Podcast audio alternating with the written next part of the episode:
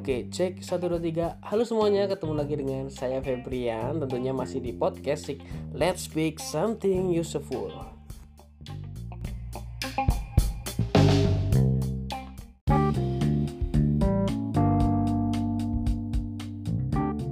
Oke, gimana kabar-kabar teman-teman semua yang ada di seluruh Indonesia?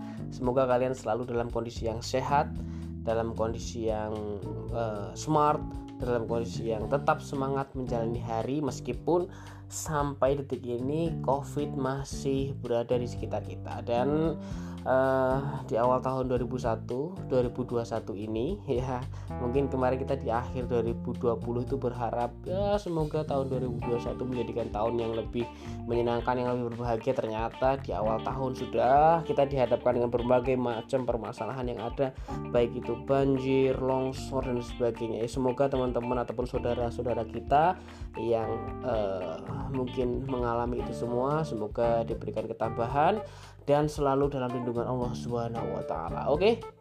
Kali ini podcast mengudara lagi nih. Uh, kali ini kita hadir kami hadir tentunya akan memberikan informasi-informasi penting buat kalian semua. Kali ini kita berada di segmen belajar bareng. Nah, di segmen kali ini kita akan membahas tentang masih tentang seputar dunia bisnis. Nah, kita akan membahas tentang etika bisnis. Gimana sih uh, beretika dalam bisnis? Apakah etika itu hanya berada pada pelajaran PPKN ketika kita masih SD atau SMP ataukah etika itu hanya ber, uh, berlaku untuk uh, anak ke orang tua atau orang muda ke orang tua atau seperti apa? Nah kita akan bahas etika dalam berbisnis pada segmen kali ini. Stay tune semuanya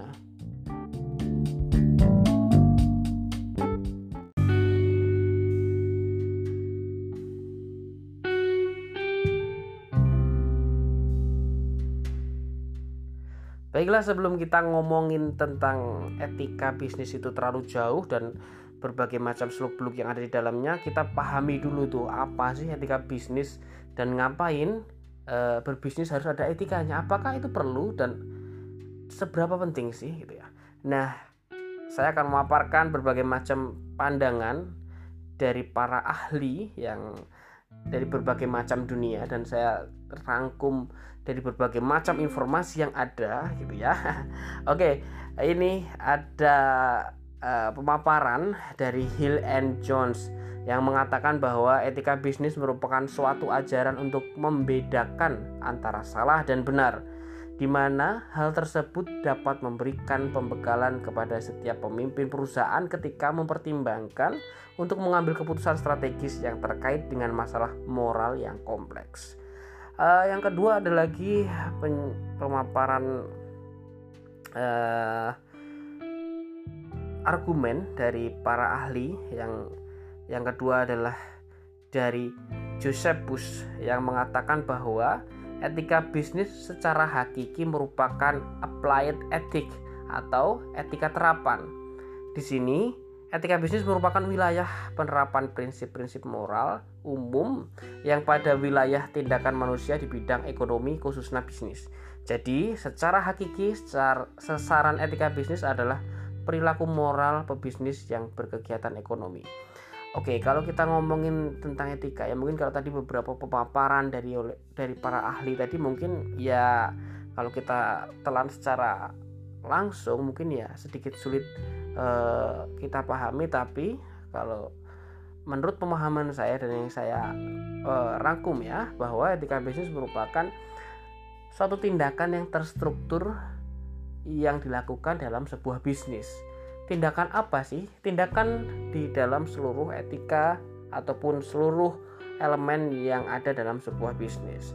Mungkin teman-teman semua eh, beberapa waktu yang lalu mungkin mendengar informasi seputar eh, ramainya kasusnya geprek bensu ya sudah sudah tahun lalu memang tahun 2020 cuma memang itu salah satu contoh bahwa pentingnya sebuah etika dalam berbisnis. Apa sih kasusnya geprek bensu itu adalah eh, permasalahan dari logo dan nama ya.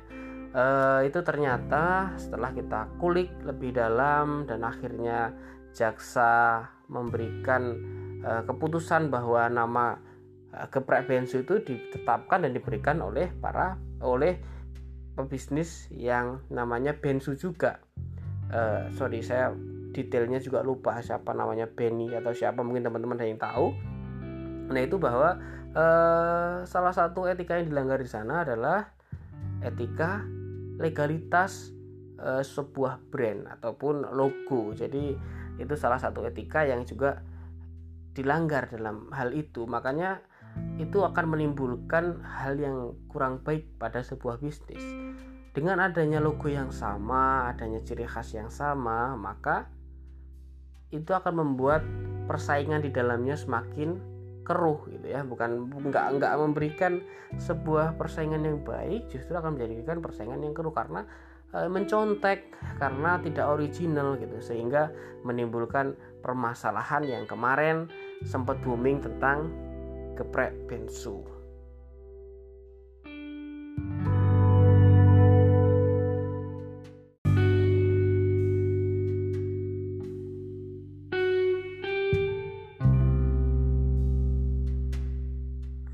terdapat beberapa prinsip penting ketika seseorang pebisnis menerapkan etika dalam bisnisnya.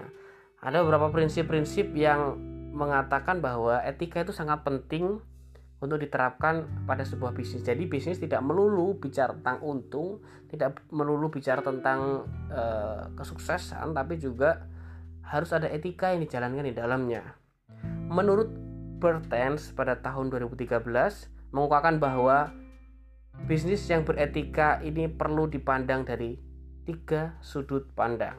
Ya, ada tiga sudut pandang prinsip uh, dalam sebuah etika bisnis. Yang pertama adalah sudut pandang ekonomi. Bisnis yang baik akan menghasilkan keuntungan tanpa merugikan orang lain. Jadi teman-teman kalau mempunyai bisnis ataupun membuka sebuah usaha, uh, kalian harus sukses, sukses untuk diri kalian dan tanpa merugikan orang lain baik itu konsumen ataupun kompetitor yang lain. Kalau mungkin kita lihat di beberapa investigasi ya, investigasi yang yang suaranya sering disamar-samarkan itu kan, seumpama ada ayam tiren, bakso buraks dan sebagainya. Oke, kalau kita lihat dari sudut pandang ekonomi, ya benar dia dengan cara bisnis yaitu dengan cara ayam tiren dan mungkin bakso buraks dan sebagainya, formalin dan sebagainya, mungkin dia akan mendapatkan keuntungan yang lebih. Tapi dalam kasusnya ini dia melanggar etika yang ada yaitu merugikan konsumen dan juga merugikan kompetitor lain. Mungkin ada kompetitor lain yang jualan bakso dengan cara tanpa pakai borak dan dia berproses dengan baik akan terugikan karena ada orang lain yang pakai borak sehingga uh, membuat nama bakso itu jadi tercemar. Mungkin dulu ada bakso tikus dan lain sebagainya. Itu mungkin salah satu contoh kalau kita lihat dari sudut pandang etika dari kacamata ekonomi ya. Yang kedua adalah sudut pandang hukum. Bisnis yang baik tidak melanggar aturan-aturan hukum yang berlaku dan telah ditetapkan. Seperti halnya mungkin kalau kita ambil contoh yaitu tadi mungkin ya contoh di awal uh, geprek bensu yang uh, harus legalitas nggak boleh tiru-tiru dan sebagainya itu salah satu hukumnya makanya ketika ada salah satu pihak yang meniru akhirnya dibawa kasus itu ke jalur hukum. Mungkin ada lagi yang e, kasus lain e, selain peniruan ya ataupun pengcopy paste e, resep ataupun produk dan sebagainya sering kali terjadi di lain sisi mungkin ada juga e, campaign negatif ataupun iklan-iklan negatif yang menjatuhkan produk lain ataupun menjatuhkan brand lain itu juga bisa dibawa ke jalur hukum itu adalah sudut pandang hukum etika bisnis ya dari dari sudut pandang hukum. Yang ketiga ada sudut pandang moral. Bisnis yang baik tentunya sesuai dengan ukuran-ukuran moralitas. Jadi harus tahu dong moral-moralnya di mana. Enggak ya bisnis bukan hanya bicara tentang untung. Kalau kalian jualan narkoba ya oke untungnya besar. Cuma moralnya kan enggak dapat itu moralnya juga kalian merusak me, apa melakukan kegiatan-kegiatan yang dilarang dan lain sebagainya makanya ada tiga sudut pandang yang perlu dipahami dari etika bisnis yaitu yang pertama adalah sudut pandang ekonomi, yang kedua adalah sudut pandang hukum dan yang ketiga adalah sudut pandang moral.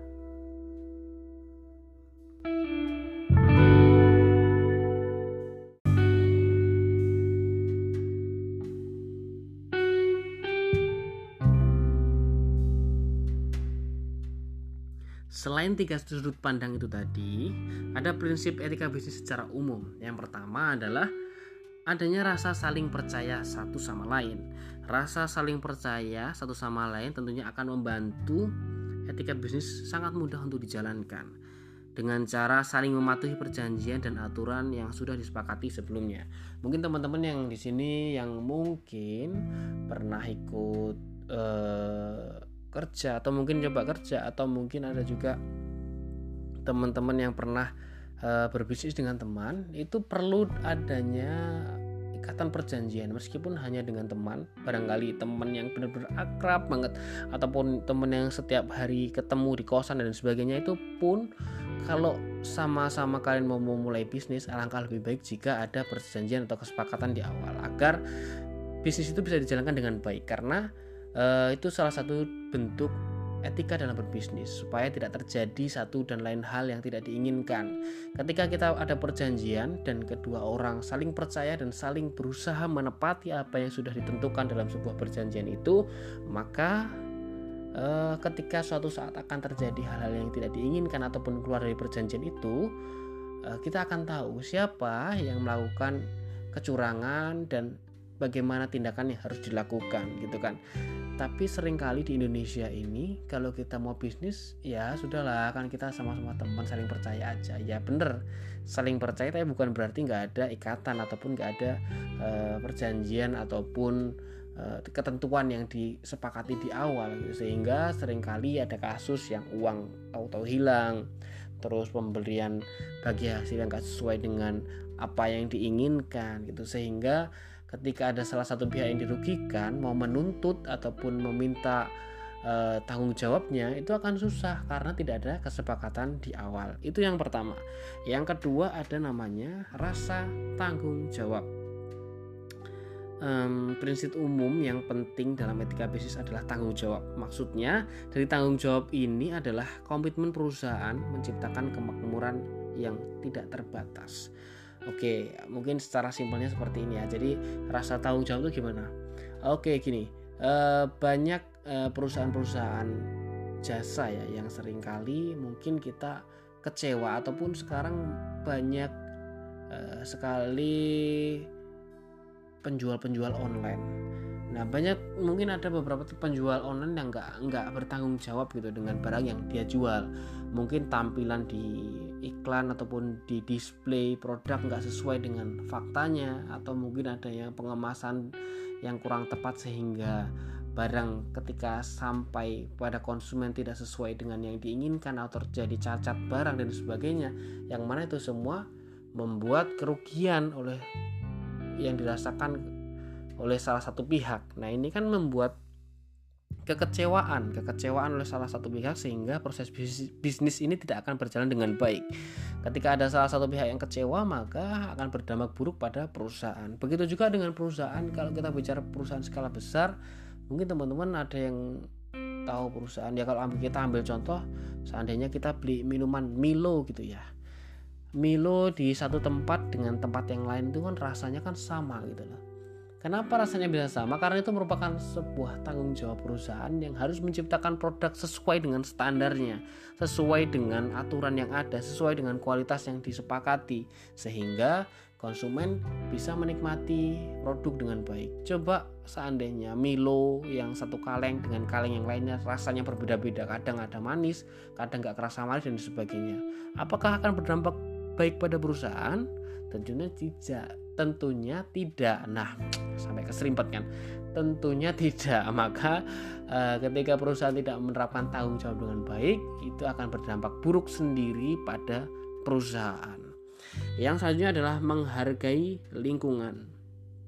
Uh, mungkin teman-teman ada yang dari Jakarta ataupun yang di area-area industri ya mungkin sering kali kalian merasakan seandainya ada perusahaan di eh, sekitar rumah kalian mungkin ada yang airnya tercemar atau banyak polusi debu atau eh, berisik suara dan lain sebagainya. Nah, itu merupakan eh, tindakan yang kurang baik dari perusahaan yang tidak menghargai lingkungan.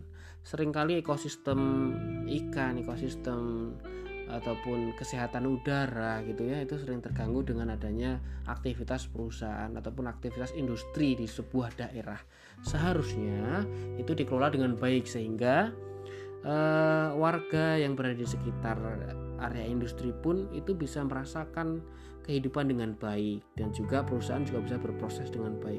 Seharusnya itu yang dilakukan, tapi ya faktanya di Indonesia banyak kali perusahaan yang tidak menerapkan itu semua ya makanya banyak demo banyak protes banyak hal-hal ataupun elemen-elemen masyarakat yang dirugikan dan masih banyak lagi lalu ketika kita ataupun perusahaan bisa menerapkan ekon, uh, etika bisnis dengan baik apa sih yang didapatkan?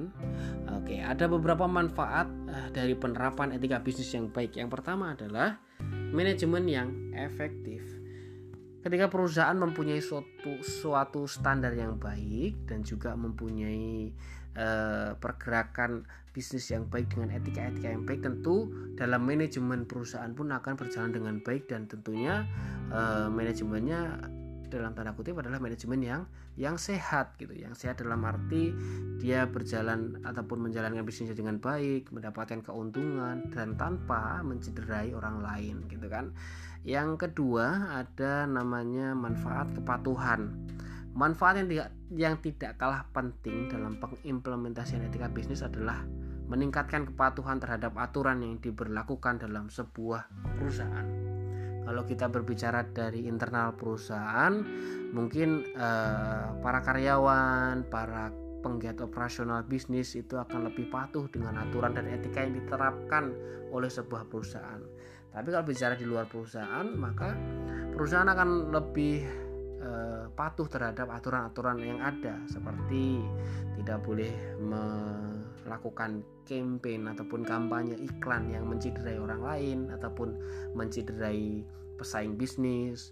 Yang kedua bisa jadi dilarang me mengcopy paste ataupun meniru iklan atau meniru desain suatu produk dan sebagainya dengan kita menerapkan etika bisnis dengan baik maka akan timbullah rasa kepatuhan itu. Sehingga ketika sudah patuh dengan aturan yang ada maka kegiatan bisnis akan berjalan dengan baik. Yang ketiga adalah yang paling penting nih yaitu akan meningkatkan sebuah reputasi. Reputasi itu merupakan uh, sebuah hal ataupun elemen yang penting dalam sebuah bisnis. Teman-teman mungkin cewek-cewek ataupun ya siapa pun yang di online gitu ya pasti kalian akan mencari uh, trusted seller gitu ya. Jadi penjual yang terpercaya gitu dan juga ratingnya yang tinggi. Itulah yang namanya reputasi. Ketika kita berbisnis dengan baik berproses dengan baik dan menjalankan etika bisnis dengan baik maka akan berdampak baik pada perusahaan dengan cara reputasi perusahaan akan meningkat dan kepercayaan konsumen akan perusahaan akan lebih baik dan itu dan itu dampaknya juga berdampak positif pada perusahaan gitu loh e, yaitu tadi contoh secara simpelnya adalah ketika perusahaan di online saja ya contoh simpelnya di online para pembeli online itu akan mencari e, pedagang yang sudah terpercaya yang komenannya bagus yang testimoninya bagus, yang ratingnya bagus dan lain sebagainya. Itulah beberapa hal yang perlu dipahami tentang etika bisnis.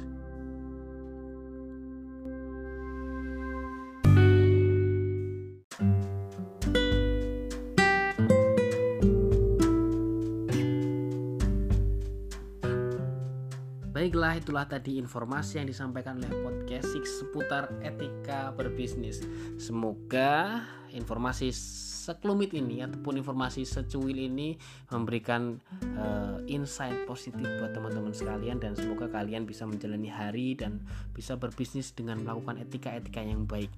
Uh, silahkan teman-teman yang merasakan informasi ini positif bisa nge-share ke teman-teman sekalian dan bisa ngajak banyak teman kalian untuk mendengarkan podcast banyak sekali tips and trick dan belajar bareng yang disampaikan di podcast dan jangan lupa untuk follow Instagram saya di @febrianwahyubowo dan juga buat teman-teman yang mau memulai bisnis kebetulan ada nih buku yang bagus. Buku berwirausaha sejak mahasiswa. Nah itu buku yang saya tulis sendiri. Silahkan buat teman-teman yang mau pre-order bisa langsung nge-DM di Instagram @febrianwahyubowo bisa nge-DM buku e, pembelian buku itu harganya murah. Berapa harganya? Silahkan nge DM dulu dong ya oke? Okay? uh, eh, itu buku yang sangat tepat buat teman-teman yang mau memulai bisnis dari berwirausaha sejak mahasiswa. Banyak tips and trick yang sangat mudah untuk diaplikasikan dan sangat menyenangkan untuk dibaca oke? Okay? itu aja. Terima kasih untuk para pendengar. Semoga kalian tetap sehat tetap dalam lindungan Tuhan yang Maha Esa dan tetap semangat menjalani hari. Oke okay, goodbye